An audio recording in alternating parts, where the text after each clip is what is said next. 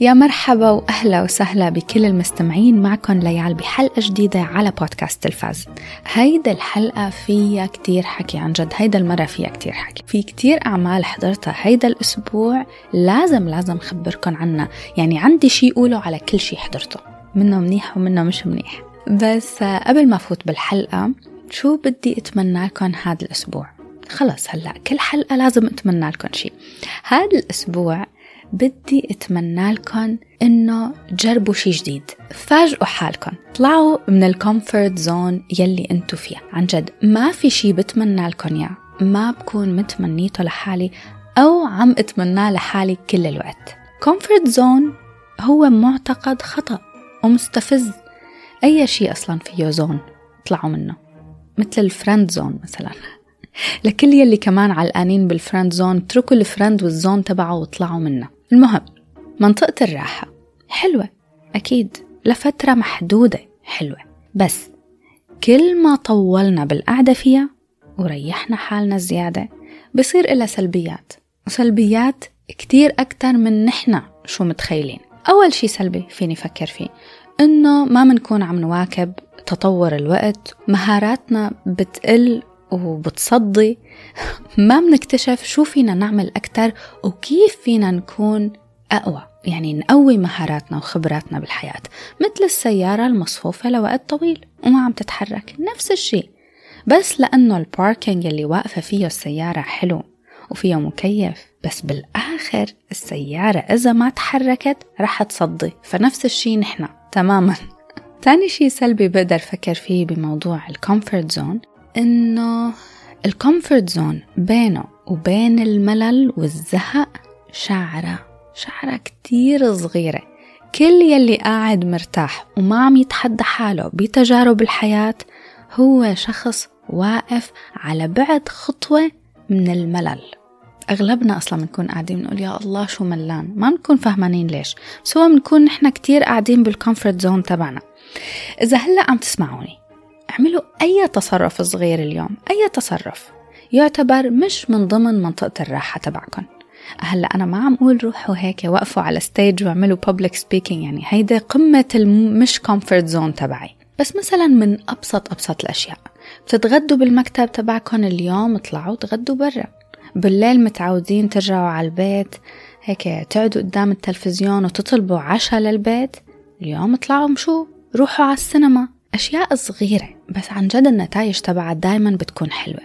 خدوا أونلاين كورس لشي أنتم مهتمين فيه وعم تضلوا تأجلوه. قدموا على وظائف جديدة. هي من أكثر الأشياء اللي ممكن شدد عليها لأنه اختبرتها شخصيا. قدموا على وظائف جديدة. أنا دائما كنت أقول أبدا مش منيح إنه نقعد بمكان واحد لفترة طويلة. ما لازم نوقف كتير بنفس المكان. على قد ما كان مريح. وعلى قد ما كان هو الشيء اللي صرنا زمان عم نتمناه وحصلنا عليه لفترة محدودة أوكي بس ما توقفوا بمكان لفترة طويلة. ما توقعوا بهذا الفخ أبدا.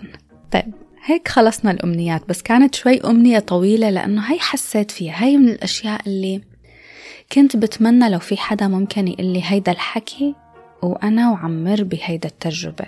كنت مفكرة حالي مرتاحة. بعدين لاحظت إنه آه لا أنا أبدا مني مرتاحة. كل ما ارتحت لفترة طويلة بمكان واحد صرت لاحظ إنه لما إجي بدي أطلع منه بحس حالي عم أختنق لأنه خايفة ما عرفانة شو لازم أعمل. بصير عندي انكزايتيز توتر وقلق. بس لو أنا معودة حالي إنه ما أقعد بنفس المكان لفترة طويلة معناتها تغيير هذا الشيء رح يكون أسهل والتغيير دايما منيح لأنه الحياة ماشية ونحن لازم نمشي بهيدا الحياة. المهم اليوم مثل ما قلت لكم عندي كتير أشياء أحكي لكم إياها. آه مسلسل جيفري دامر على نتفليكس مسلسل جديد حبيته كتير. هدول المسلسلات الجديدة يلي حبيتها كتير صاروا لازم ينحكوا بكل حلقة. فيلم على نتفليكس Do Revenge آه فيلم Ticket to Paradise حضرته بالسينما والحلقة ستة من House of the Dragon. طبعا أنا كل شي بحاول أحكي عنه على قد ما بقدر من دون spoilers فما تخافوا تسمعوا الحلقة. يلا خلونا نبلش.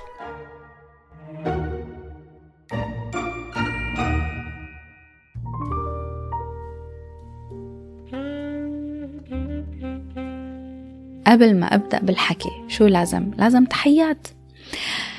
بدي أقول شكرا لكل المستمعين يلي دايما بيتفاعلوا معي على إنستغرام وخاصة هذا الأسبوع على ال weekend. كان في تفاعل كتير حلو so thank you so much صار في عدد كبير من المستمعين وال followers على إنستغرام عم يطلبوا مني إنه أحكي عن مسلسل Breaking Bad ما عم طنشكم صدقوني. بس إن شاء الله لما خلص مسلسل Better Call Saul أكيد رح أعمل حلقة مخصصة للعملين مع بعض. آه شكرا لكل يلي بعتوا لي تصبيحات حلوة هيدا ال weekend على ال story على انستغرام صحيح ما حطيت كل ال messageات يلي انبعتت لي بس في كم وحدة ما حطيتهم رح أقولهم هلأ. في شخص بعت لي مساء الخير لأنه هو شخص مسائي. فمساء الخير لإلك أنت كمان. أنا كتير بحب المساء على فكرة بحب الليل. آه صحيح بفيق بكير بس بحب لما الشمس تبلش تغيب. يمكن يمكن لأنه بعرف أنه هلأ ها بلش يخلص وقت الشغل ففيني أعمل الأشياء الخاصة فيي لحياتي الشخصية ما بعرف. بس بحب المساء.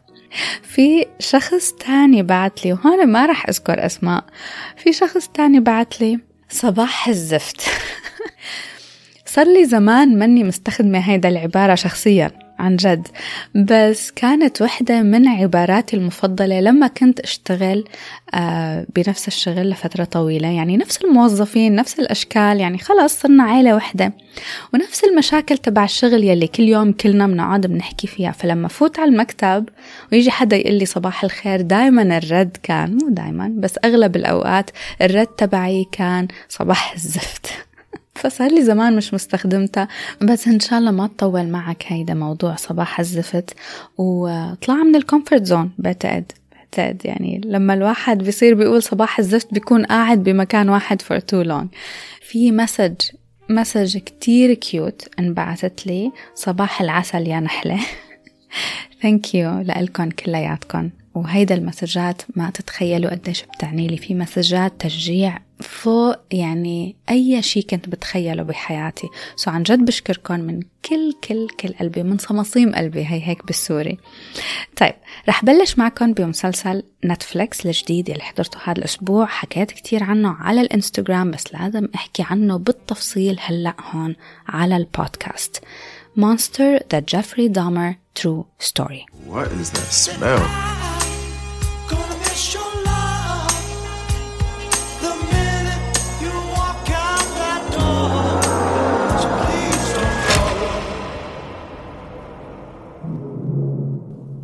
هلا موضوع إنه أنا بحب قصص المجرمين الحقيقيين وال serial killers منه كتير يعني surprise لإلكن. بس ليه أنا بحبهم؟ هلا أنا ما بحبهم لفكرة القتل أو لفكرة الدم والمناظر اللي كتير بشعة. لا بحبها لموضوع السايكولوجي يلي وراء هدول الشخصيات. مشان هيك بحب مسلسلات مثل Mindhunter و Black Bird لأنه بيورجونا السايكولوجي والعقلية والنفسية تبع هدول الشخصيات. فلما أحضر هيك أشياء دايما بسأل حالي إنه شو ممكن يصير بحياته للشخص ليطلع بالآخر serial killer ومهووس ومضطرب عقليا بهيدا الطريقة؟ إنه معقول هن هيك بيخلقوا ولا في أشياء بتصير بحياتهم ممكن تأدي لهذا الشيء؟ وهذا المسلسل تبع جيفري دومر كان مميز بهيدا النقطة. سلط الضوء على هذا الموضوع بشكل كتير حلو ومركز وواضح. بس قبل ما فوت بهيدا القصص المسلسل عجبني. حبيته من تقريبا أجمل الأعمال يلي انعرضت على نتفليكس بالنسبة لإلي بهيدا الفترة الأخيرة. رح أبدأ بالنقاط آه، الحلوة هيك على السريع. تمثيل أفن بيترز رهيب. يعني أنا حبيت أحضره للممثل لأفن بيترز. يعني ما بقدر أقول غير أنه تمثيله روعة روعة. الممثل أفن بيترز أول مرة اكتشفته بمسلسل American Horror Story وهو فعلا عنده يعني قدرات وأبعاد بتمثيله كتير مهمة ولازم يتم استغلالها بشكل أكبر. هون بهيدا الشخصية شخصية جيفري دومر ما كتير بعد عن شخصياته يلي ظهر فيها ب American Horror Story. وهذا الشيء منه ضعف أبدا بالعكس حبيت أني رجعت شفته هيك بهاد الجمود والبرود وتبلد المشاعر والنظرات وبنفس الوقت عن جد بيعطيني شعور أنه هو إنسان ضايع. رهيب. كل الممثلين التانيين كانوا مهمين كلياتهم من دون استثناء عن جد عن جد من دون استثناء. الأب الأم لكل كل الأشخاص يلي طلعوا الضحايا جيران كلياتهم هلا قصة جيفري دامر صارت محكية كتير بأفلام و documentaries وخاصة على نتفليكس. في كتير أفلام و documentaries عليه. أول شي حسيت إنه جايز يعني شو ما خلص ما عاد في غيره serial killer فينا نحكي عن حدا تاني. فكنت شوي متخوفة من هذا الموضوع قبل ما أحضر المسلسل. بس طلع ما في داعي إنه خاف أبدا لأنه المسلسل قدر يلاقي بصمته. بصمته هي المخيفة. العمل التقيل تقيل على النفسية. ما بينحضر أبدا بيوم واحد أو حلقة ورا حلقة هيك بكل سهولة. أنا كنت عم حاول. إنه خلصه بنهار ما زبطت معي أبدا. بالأخير خلصته بثلاثة. ولو ما كنت مضطرة لأنه بدي أحكي عليه على البودكاست كنت ممكن ياخد معي خمس ست أيام. المهم هلأ يمكن شغلة قبل المهم إنه هذا المسلسل يكون شوي أتقل على آه، الأهل ويلي عندهم أولاد. ممكن يأثر فيكم أكثر أنا أثر فيي كتير خصوصي موضوع إنه هو يعني عنده أهل.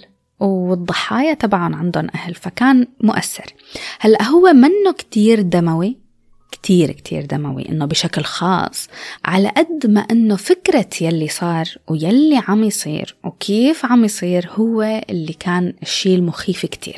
العاملين على المسلسل عرفوا يوصلوا لي كمشاهدة مشاعر الخوف والإشمئزاز وحبس النفس وتسرع دقات القلب بأسلوب فنان. هلأ نرجع للتوجه يلي المسلسل اتخذه حكيت لكم أول شيء وهو تسليط الضوء على شو ممكن تكون الأسباب يلي ممكن تولد هيك إنسان يعني مجرم لهيدا الدرجة إنسان مضطرب نفسيا لهيدا الدرجة. وكيف ممكن نتفاداها؟ هيدا هي العناصر يلي حسيت إنه المسلسل تفوق فيها وتميز فيها. من وجهة نظر الأهل وهون أهله لدامر يعني حيضل في هذا الشعور بالذنب إنه اكتشفوا إنه ابنهم مجرم وبهيدي الطريقة البشعة. إنه أكيد في شيء هن عملوه بالتربية أدى لهيدا النتيجة هذا رح يكون شعورا ما رح يقدروا يتحكموا فيه. هيدا النقطة تم التطرق لها بشكل واقعي ومهم مهم للأهل.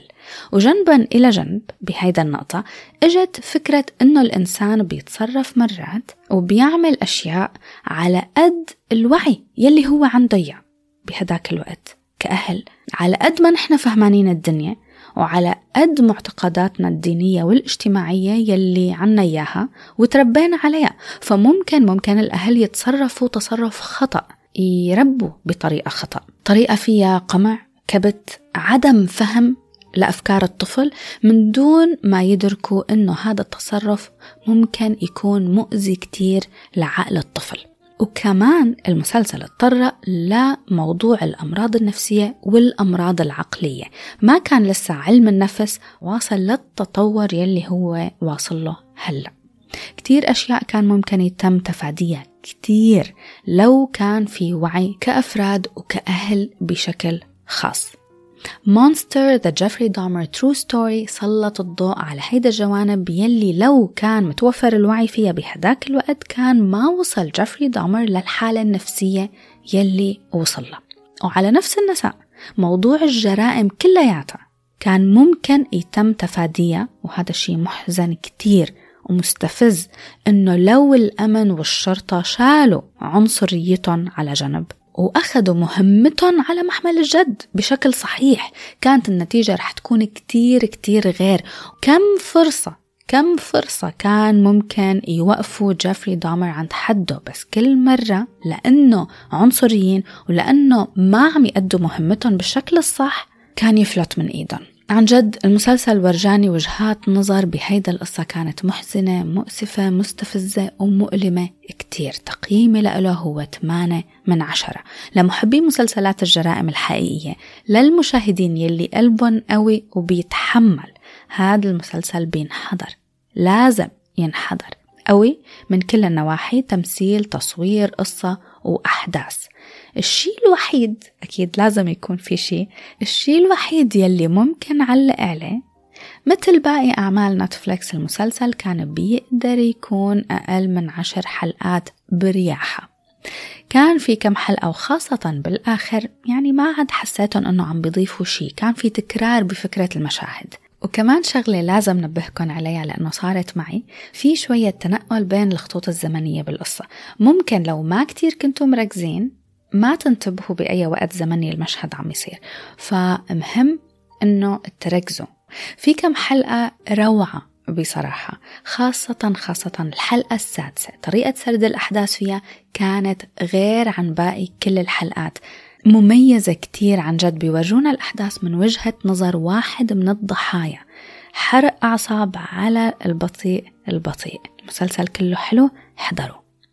رح أنتقل هلأ لشي كمان على نتفليكس في كتير نتفليكس اليوم على غير العادة فيلم خفيف خفيف كتير سخيف كتير ما كتير له طعمة وهو فيلم Do ريفنج Don't you want to make her pay? I don't want to make her pay. I want to burn her to the ground. Whoa. You're giving off some serious Glenn Close and Fatal Attraction energy. Glenergy. ليكو ما رح ضيع كتير وقت وأنا عم أحكي عنه. يعني حسيت إنه ما بيستاهل أصلا كتير إني أحكي عنه بس لازم ما بقدر ما بقدر. كان مستحيل إني أحضره. من الآخر إنه أفلام نتفليكس صرتوا بتعرفوا منا أشياء مفضلة عندي أبدا. بس كيف حضرته؟ في قصة كتير مثيرة للاهتمام هون. بعتقد إنه يمكن هيدا القصة نفسها بتصير معاكم كتير. so so, أنتوا بتعرفوا انه أنا دايما بحاول اني احضر اشياء على خدمات streaming services غير نتفليكس بحب اكتشف المش مكتشف وقيم يلي مش كتير معروف. بس انه يا أخي كتير hard work هذا الموضوع لأنه خدمات ال streaming services التانية وما رح أذكر أسماء هون استخدامها بيعل القلب. جد. بس إنه طب زبطوا الموضوع. ال apps تبع هيدا الشركات. بضل فيها مشاكل بضل فيها errors يعني بوصل لمرحلة بصير عم أتحارب مع التطبيق محاربة لحتى أحضر يلي بدي أحضره. هذا الأسبوع كان في فيلمين حاططهم على قائمة المشاهدة تبعي إنه لازم أحضرهم على خدمات مشاهدة تانية غير نتفليكس.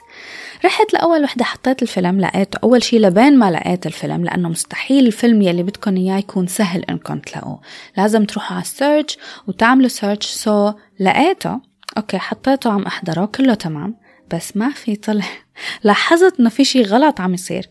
so انتبهت إنه كل 15 ثانية من الفيلم 15 ثانية مش دقيقة كل 15 ثانية من الفيلم بينط لعشر ثواني لقدام للمشهد يلي بعده. حاولت يعني طلعت وفتت وديليت للآب ولوج إن أجان وكل هيدا القصص حاولت أعملها وما انحلت المشكلة. طيب برحت للخدمة الثانية فالخدمة الثانية اختصرت علي الموضوع هيك من أوله ما علت لي قلب كتير ما قدرت فوت عليها. ضل يطلع لي قرر إنه أنا مني مشتركة وأنا مشتركة وبعرف إنه مشتركة لأنه عم ينخصم مني. المهم إنه لا صح؟ نفسي أقول شغلة إذا في حدا عم يسمعني هلأ بيشتغل بهدول الشركات إنه أنا شخصيا لو وصلت لمرحلة إنه لازم أحضر بطريقة قانونية هذا الموضوع أخذ مني مجهود نفسي جهد كتير كبير وأنا بحاول إنه أنشر الوعي إنه جايز دايما احضروا بطريقة قانونية. فإنه رضينا بالقانوني والمدفوع وهو ما رضي فينا. لهذا السبب بالتحديد التحديد نتفليكس رح تبقى أسهل وأحسن خدمة تستخدم. بس أكيد ما رح أفقد الأمل. رح ضل حاول حاول حتى تزبطوا الخدمات تبعكم المهم بعد الرفض يلي لقيته من هدول ال streaming services لجأت لنتفليكس وحضرت Do Revenge بس لذكر حالي قديش هيك نوع من الأفلام بحسها تضييع وقت لإلي. لإلي. هلا في كتير عالم حبوه ممكن بس لإلي ما زبط أبدا. إنه okay ملابس حلوة وألوان وتصميم وموسيقى والأغاني وال trendy trendy كله تمام. بس إنه وين القصة؟ شو في high school Mean Girls plus Cruel Intentions قصة already شايفينها مليون مرة. بس لكون صريحة معاكم أول جزء من الفيلم كان حلو وممتع. يعني ممتع. هي هاي الكلمة الصح. بس النص الثاني صار في يعني غباء بالكتابة. صار في استفزاز. ما معقول. بنتين جيا وألينور بالمدرسة الثانوية. للأغنياء الكتير أغنياء. بيتعرضوا التنتين للأذى من زملائهم التانيين فبيقرروا أنهم يتحدوا مع بعض لحتى كل وحدة تنتقم من العدو تبع التانية. كوميدي درامي.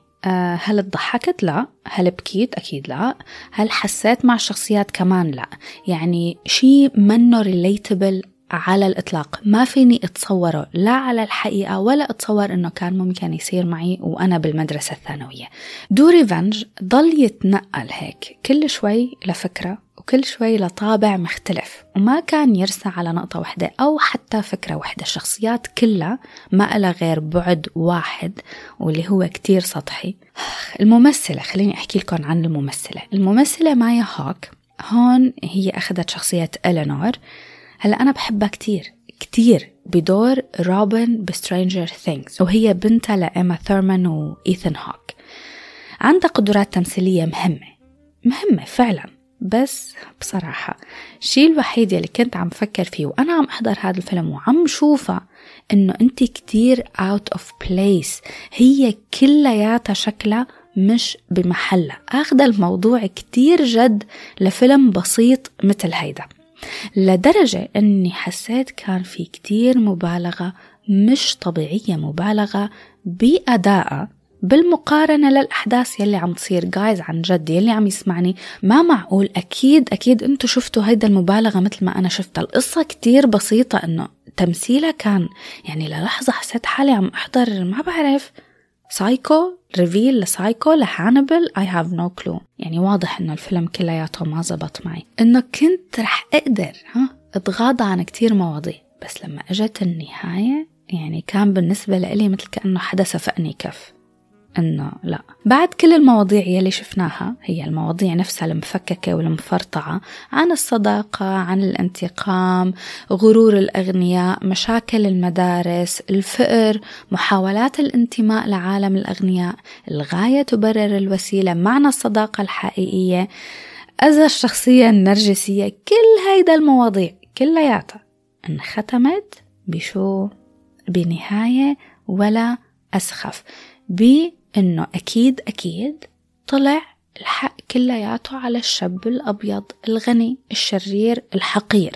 هو السبب بكل شيء أكيد. ما في داعي ابدا إنه حدا غيره يتحمل مسؤولية افعالهم ابدا ابدا. ما في داعي الشخصيات التانية تتعلم دروس ولا شيء. ما شفنا تطور شخصيات لأنه شو؟ الشاب هو السافل. مع المقطع الأخير بالفيلم كان كلياته مثل مايا هوك out of place. كله. طبعا هذا غير موضوع إنه من الأول من الأول وأنا قاعدة عم أحضر. لما شفت الممثلين كتير حسيتهم كبار بأعمارهم لحتى يكونوا بالمدرسة الثانوية. يعني بالفيلم كان مفروض يكون عمرهم 16 سنة. هن على الحقيقة عنا كاميليا مانديز 28 سنة على الحقيقة. مايا هوك 25 سنة على الحقيقة. أوستن أبرامز 26 سنة على الحقيقة طب أنتوا كيف 16 سنة و high schoolers كانوا يعملوها جامعة يمكن كانت أزبط نغير شوي الجو وأحكي لكم على فيلم Ticket to Paradise Oh, come on. You've got to be kidding me. Excuse me, ma'am. I need to sit somewhere else. We used to be married. Worst 19 years of my life. We were only married for five. I'm counting the recovery. قبل ما أحكي لكم عن الفيلم بدي أحكي لكم عن السينما. بتعرفوا إنه أنا دائما بقعد بنتقد السينماز إنه تجربة مشاهدة الأفلام بالسينما ما عادت كتير مريحة وحلوة مثل ما كانت من قبل. بس هذا الأسبوع غيرت رأيي لأنه رحت على السينما تبع نخيل مول على بالم جميرة. بصراحة غيرت لي رأيي. عن جد فوكس سينماز جديدة. بعرف لأنه ممكن تكون جديدة فهيك ممكن عن جد إنه تكون نظيفة وجوها كتير حلو. منها باردة زيادة عن اللزوم. البوب كورن فيها كتير طيب ال nachos فيها طيب الأكل طبعا كتير طيب. فهذا الشيء هيك جمل تجربة المشاهدة. وكمان الحلو إنه ال seats كلياتهم يعني وين ما حجزتوا فوق ولا بالنص كلياتهم ال seats تبعهم هيك كبار ومريحين وفي يعني مساحة الواحد يتحرك وفي بين الكراسي هيك طاولات صغار لتحطوا الأكل وال drinks عليهم. فعن جد عن جد تجربة المشاهدة هيدا المرة كان لازم قلكم إنه استمتعت بالسينما كتير. هذا منه إعلان أو دعاية إذا في حدا لسه مو رايح على فوكس سينماز بنخيل مول. وبتقدروا طبعا إذا كنتوا ساكنين بالإمارات فبنصحكم عن جد إنه تجربوا تحضروا فيلم بهيدا السينما. المهم Ticket to Paradise فيلم رومانسي كوميدي من بطولة جوليا روبرتس وجورج كلوني. رجال ومرأة مطلقين من شي تقريبا 16 سنة عندهم بنت رايحين يحضروا عرس بنتهم ببالي ليخربوا العرس وما يخلوا بنتهم تتجوز وتعمل نفس الغلطة يلي هن عملوها لما كانوا صغار. ليكو؟ أنا بحب لما الفيلم يكون واضح وصريح بيلي رح يقدمه وبيقدم للمشاهد الشي يلي هو رايح يحضره. يلي بده يحضر Ticket to Paradise فهو شخص رايح لحتى يشوف جوليا روبرتس وجورج كلوني. وهاد يلي بتشوفوا الاثنين مع بعض ما تتخيلوا قديش حلوين ومهضومين بيضحكوا وبيسلوا. ما مليت منهم أبدا ولا بمشهد وهن موجودين حسيت بالملل. رهيبين مهضومين حبيتهم. أنا ما رحت لشوف قصة عم تعيد ابتكار عالم الروم كوم ما رحت لشوف براعة التصوير ما شايفتها من قبل بولا فيلم تاني. رايحة لهدول الاثنين حصرا والإثنين قدموا لي شي مسلي ومضحك. ببعض الأحيان مؤثر. الكاريزما بيناتهم كانت حلوة الديناميكية بيناتهم كتير طبيعية. كانوا يعني حسيتهم عن جد كأنه ما عم بيمثلوا. حسيتهم اثنين كانوا متجوزين ومطلقين. كل واحد عم يحاول يكون أحسن من الثاني ومنافسة كل الوقت بالكلام والجمل والتصرفات. قصة خفيفة بسيطة. مش معمولة لحتى الواحد يدقق ويفكر كتير أبدا. يعني ما تروحوا تقعدوا تدققوا بأشياء. أنا كان في واحد من رفقاتنا قاعد عم بدقق على ال CGI وإنه كيف بمشهد كان جورج كلوني مسكر الجاكيت تبعه وبعدين المشهد الثاني فورا طلع الجاكيت مفتوح وبعدين سكره مرة تانية. like أنا ما انتبهت على هذا الشيء أنا شفت جورج كلوني وخلص جورج كلوني بالبدلة وكان بكفي. هلا هو مع هيك مع إنه الفيلم كان خفيف وبسيط مع هاد كان فيه عن جد يعني مشاهد مؤثرة هيك دمعت فيها. في مشهد روعة لجورج كلوني بيحكي فيه شو صار مع مرته وشو شعوره كأب. هاد المقطع كان مؤثر وحلو وأداؤه كان رهيب عن جد. صار لي زمان مو شايفتهم اثنيناتهم فكان بيعني لي كتير إنه أحضر هذا الفيلم واستمتع فيه. واستمتعت. المهم حابين شي خفيف. بتحبوا الممثلين كلوني وجوليا روبرتس؟ حضروه ممتع ومسلي يعني فيلم رومانسي كوميدي. قدم هذا الشي بقصة سهلة وخفيفة وبسيطة. بلش الجد. بتعرفوا كيف لازم بكل حلقة أخبركن عن شي عم أحضره شي جديد عم أحضره. مو المسلسل الجديد أنا عم أحضره من جديد. ولازم أقنعكم فيه. فهلأ صار وقت هيدا الفقرة. مسلسل حبيته كتير مختلف فيه نكهة وطابع غير عن أي مسلسل تاني شايفته مسلسل باري Bravo! I just saw you go to a place tonight I have never seen before. Okay, I see you're still in that place. I'm gonna leave you to your process. باري عم يرد على OSN Plus مسلسل كوميدي جريمة واكشن برافق شخصية باري يلي هو قاتل مأجور عم يحاول يطلع من عالم الإجرام ليصير ممثل. هلأ يمكن في حدا من المستمعين already حاضر المسلسل؟ ما بعرف بس أنا ما عم أسمع عالم عم تحكي عنه. بصراحة ما سمعت حدا ابدا حكى عنه يعني فما بعرف. خبروني إذا أنتم حاضرينه please قولوا لي شو رأيكم فيه. بس أنا هلأ بدي أقنع يلي مو حاضرين المسلسل. قصته رهيبة عن جد. هذا العمل كيف Breaking Bad بس breaking good يا حرام يا باري كل ما يحاول أكتر إنه يطلع من جو الدم والإجرام بيلاقي حاله متورط أكتر وأكتر. في كتير كمان شبه بشخصية دكستر دكستر مورغان خاصة بأول مواسم مسلسل دكستر. وهذا الشيء يمكن يلي خلاني استمتع فيه للمسلسل أكتر إنه مزيج بين دكستر و Breaking Bad و... بس بطريقة كوميدية dark comedy أكيد. حلقاته 30 دقيقة وهذا الشيء بيخلي المشاهدة كتير سهلة. يعني أنا خلصت الموسم الأول بقعدة وحدة من إنتاج HBO فيه ثلاث مواسم. أول موسمين من عشر حلقات والموسم الثالث من ثمان حلقات. أكتر شي حلو هون. أكتر شي حلو هو إنه كيف المسلسل بيخلينا نشجع باري ونحبه مع إنه هو قاتل يعني anti-hero على المزبوط. يعني بدي أقنعكم فيه بس ما بعرف شو بدي قلكم احضروه احضروه. التمثيل ممتاز. الممثل الرئيسي اللي هو كمان ال creator تبع المسلسل بيل هيدر مبدع. مش طبيعي تأديته لهيدا الشخصية مش طبيعي شخصية يلي ما بيعرف كيف يعيش حياة طبيعية.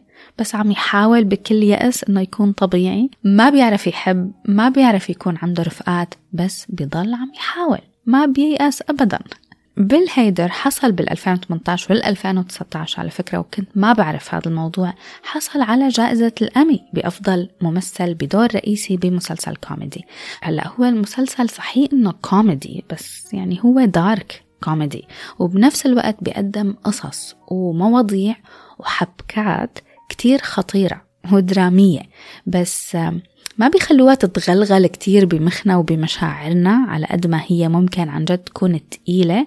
ما بيخلوها توصل لدرجة التقل هاد لأنه دغري بيتعاملوا معاها بطابع كوميدي. مسلسل باري له كتير كتير أبعاد أبعاد نفسية وأبعاد شخصية. هذا واحد من الأعمال كمان يلي من أول ما تحضروا بتعرفوا إذا من ذوقكم ولا لا. وكمان فوق هاد والأهم لازم لكم إنه حلقاته بتصير أحلى وأحلى مع تقدم المواسم والأحداث. بحب المسلسلات المختلفة.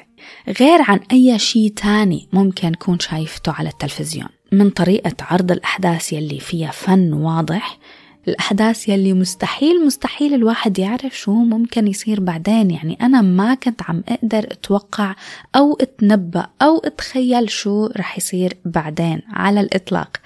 please احضروا. حطوه على القليل على قائمة المشاهدة. please احضروا جربوا وقولوا لي شو رأيكم. فخلص I think إنه هيك بكفي إقناع. أكيد رح لكم أكثر عنه لما خلص الموسم الثالث. وهلأ هلأ يعني أنا كاتبة إنه رأي سريع عن الحلقة السادسة من مسلسل House of the Dragon بس حاسة إنه ما رح يكون كتير سريع.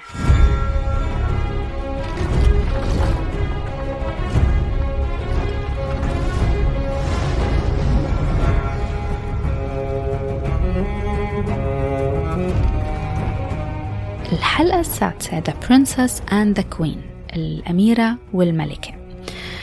من أول كم لقطة؟ هلا هاي الحلقة أنا كنت مستنيتها أكتر هي كل حلقة بستناها أكتر بس هاي كنت مستنيتها لأنه فيها هاي القفزة الزمنية ولأنه غيروا شوي من الممثلين فكنت ناطرة لحتى أشوف هيك يعني شوي لحتى أنتقد. بس ما في انتقاد من عندي بس رح أقرأ لكم كم تعليق وصلني يمكن يكون فيهم شوية انتقادات. من أول كم لقطة بهيدا الحلقة واللقطة الأولى المشهد الأول كان روعة بالنسبة لي كتير حلو. خلص إنه أنا حابة المسلسل. فهلأ يعني رح يكون في حلقات شوي أقل من حلقات تانية حاببتها بس ما بعتقد إنه رح أوصل لمرحلة وأقول oh my God كتير في ضعف وما عم استمتع فيه. ما بحس. المهم نحكي عن الأشياء المهمة. ال elephant in the room تغيير الممثلين الصغار. تغيير الممثلين الصغار ما عم أحكي هون عن أداء الممثلين لسه بعد شوي رح أحكي عنه بس عم أحكي عن موضوع تبديل الممثلين اختيارهم إنه يبدلوا هدول الممثلين ويخلوا ممثلين تانيين. في كم نقطة خطروا على بالي وأنا وعم أحضر ما بعرف إذا أنتم حسيتوا نفس الشعور. أول شيء عدم تغيير الممثل مات سميث يلي هو العم دايما. هلأ أكيد أنا ما كان بدي إياهم يغيروا مات سميث مستحيل بس إنه مفروض نحن مرينا بعشر سنين لقدام واللي كانوا بسن المراهقة تغيروا تماما تغيروا. إنه العم على القليلة يعني حاولوا عملوه شوي أكبر لأنه هون أنا يلي شفته إنه طالع كتير أصغر بالشكل. ونفس الشيء بينطبق على سير كريستين كول نفس الشيء كان لازم يتعدل شوي على مظهره الخارجي لأنه طالعين عن جد أصغر وخاصة بالمقارنة لأليسنت ورينيرا وجوزا لرينيرا يلي تغيروا تماما. في كم حدا من المستمعين قال لي إنه طبيعي يصير هذا التغيير لأنه صار قفزة زمنية يلي هي عشر سنين. أوكي صح. بس كمان في فكرة إنه نحن من الحلقة الأولى للحلقة الخامسة. كان في كمان أربع سنين مروا وما حسيت ابدا إنه تغيروا رينيرا وأليسنت على الإطلاق من الحلقة الأولى للحلقة الخامسة. نفس الشكل. كل الوقت مع هدول الأربع سنين. فأنتوا هلأ جايبين عشر سنين. كل هالقد رح يصير تغيير بهدول الاثنين والتانيين كلهم ينتركوا ما يتغيروا أبدا إلا الملك. على كل حال الشيء الثاني يلي كمان أخذ حيز من تفكيري. الممثلة أوليفيا كوك يلي هي أخذت دور آليسنت الكبيرة هلا أنا بحبها كتير من Bates Motel بحب الممثلة وتمثيلها كتير حلو والشبه بينها وبين آليسنت الصغيرة شبه كتير كبير وشبه واضح. وكمان هون الممثلة إيما دارسي يلي أخذت دور الأميرة رينيرا وهي كبيرة هلأ. في شبه بالشكل. okay. بس كل شيء تاني حسيت انهم لا طريقة تحركاتهم وطريقة حكيهم ومشيتهم ووقفتهم ال attitude كلياته تبعهم كلياتهم ما بيشبهوا بعض ابدا بين هن وصغار وهن وكبار. حسيت عم شوف شخصيات تانية تماما. مش نفس الشخصية كبرت. هلأ هذا إحساسي. فيكم تبعتوا لي وتقولوا لي أنتوا شو رأيكم بس يمكن كانوا لازم الاثنين الكبار يتدربوا مع الاثنين الصغار أكتر. كممثلين ليشبهوا بعض بالتحركات والتصرفات. وطريقة الحكي أكثر من كيف هن هلأ ما بيشبهوا بعض. هلأ هدول منهم انتقادات أو إنه أنا حاسة إنه في ضعف بس هدول هيك تعليقاتي لأنه تم التغيير فلازم أحكي عنهم نيجي للأحداث. عم لكم أنا ما عندي شي مش منيح أحكي عن القصة والأحداث. ما عندي. أنا حابة المسلسل وأكتر شي حاببته بالأحداث إنها عم تخليني أتخربط. كل الوقت مشاعري تجاه الشخصيات عم تضل تتخربط. ما في ولا شخصية موجودة لهلأ بحبها بشكل مطلق أو بكرهها بشكل مطلق. يعني كل حلقة بتأرجح بمشاعري. شوي كره شوي حب شوي عطف شوي استفزاز هذا الاستفزاز موجود كتير بس نوعا ما متعاطفة مع الكل كل الوقت في تعاطف. يعني شوي بتعاطف مع هذا زيادة عن التاني حسب الحلقة وحسب الأحداث. سير كريستيان كول مثلا بهيدا الحلقة لا تعاطف ولا مشاعر نزل من عيني كتير كنت مش طايقته. يعني اليوم مش يومك. بس بتخيل إنه الحلقات الجاي ممكن يرجعوا يلعبوا بمشاعري ليخلوني حس فيه أكتر. العم بهيدا الحلقة كان كتير كتير مختلف. كتير. هلا برجع شوي بعد شوي برجع للعم الحلو هون بهي القفزة الزمنية إنه صار في وضوح بالأحزاب والتجمعات مين مع مين مين بفريق مين وهيك. بس أليسنت يلي عم تحاول تلعب هيدا لعبة ال Game of Thrones لعبة العروش فايتة شوي بالحيط. حسيت. لأنه يلي معاها بالحزب بالحزب تبعها شخصياتهم وتصرفاتهم هن هيك لحالهم عندهم أجندتهم الخاصة. وهذا الشيء يلي أكيد رح يؤدي لعواقب وتورطات كتير كبيرة. وبعتقد أنه فعلا صار الوقت لحتى يرجع أبوها the Hand لازم يرجع لحتى يساعدها ويقلها شو لازم تعمل. هي هيك لحالها مش ظابطة. نيجي لمات سميث العم. هيدي الحلقة كان غير. كنت زعلانة عليه. حاسسته مكسور ما في شي عم يزبط معه. يعني أنا كنت بدي له طب صفي النية أنت هيك بالأول وبعدين أمورك كلياتها بتنحل. عن جد زعلت عليه. زعلت عليه زيادة بهيدي الحلقة. أول مرة بشوفه هيك آه، مهزوم ومكسور وزعلان. هلا الحلقة الجاي مثل ما قلت لكم تقلبات المشاعر. بعرف إنه رح يلعبوا بمشاعري ويحسسوني غير شعور وصير يمكن إنه كتير كرهانتك اليوم. قربنا على النهاية على فكرة يعني هيك حاسة إنه آه بس باقي أربع حلقات يعني أربع أسابيع قربنا نخلص. فبتمنى إنه المسلسل يقدم لي شيء كتير حلو ويقدم شيء أحلى. بهدول الحلقات الجايين.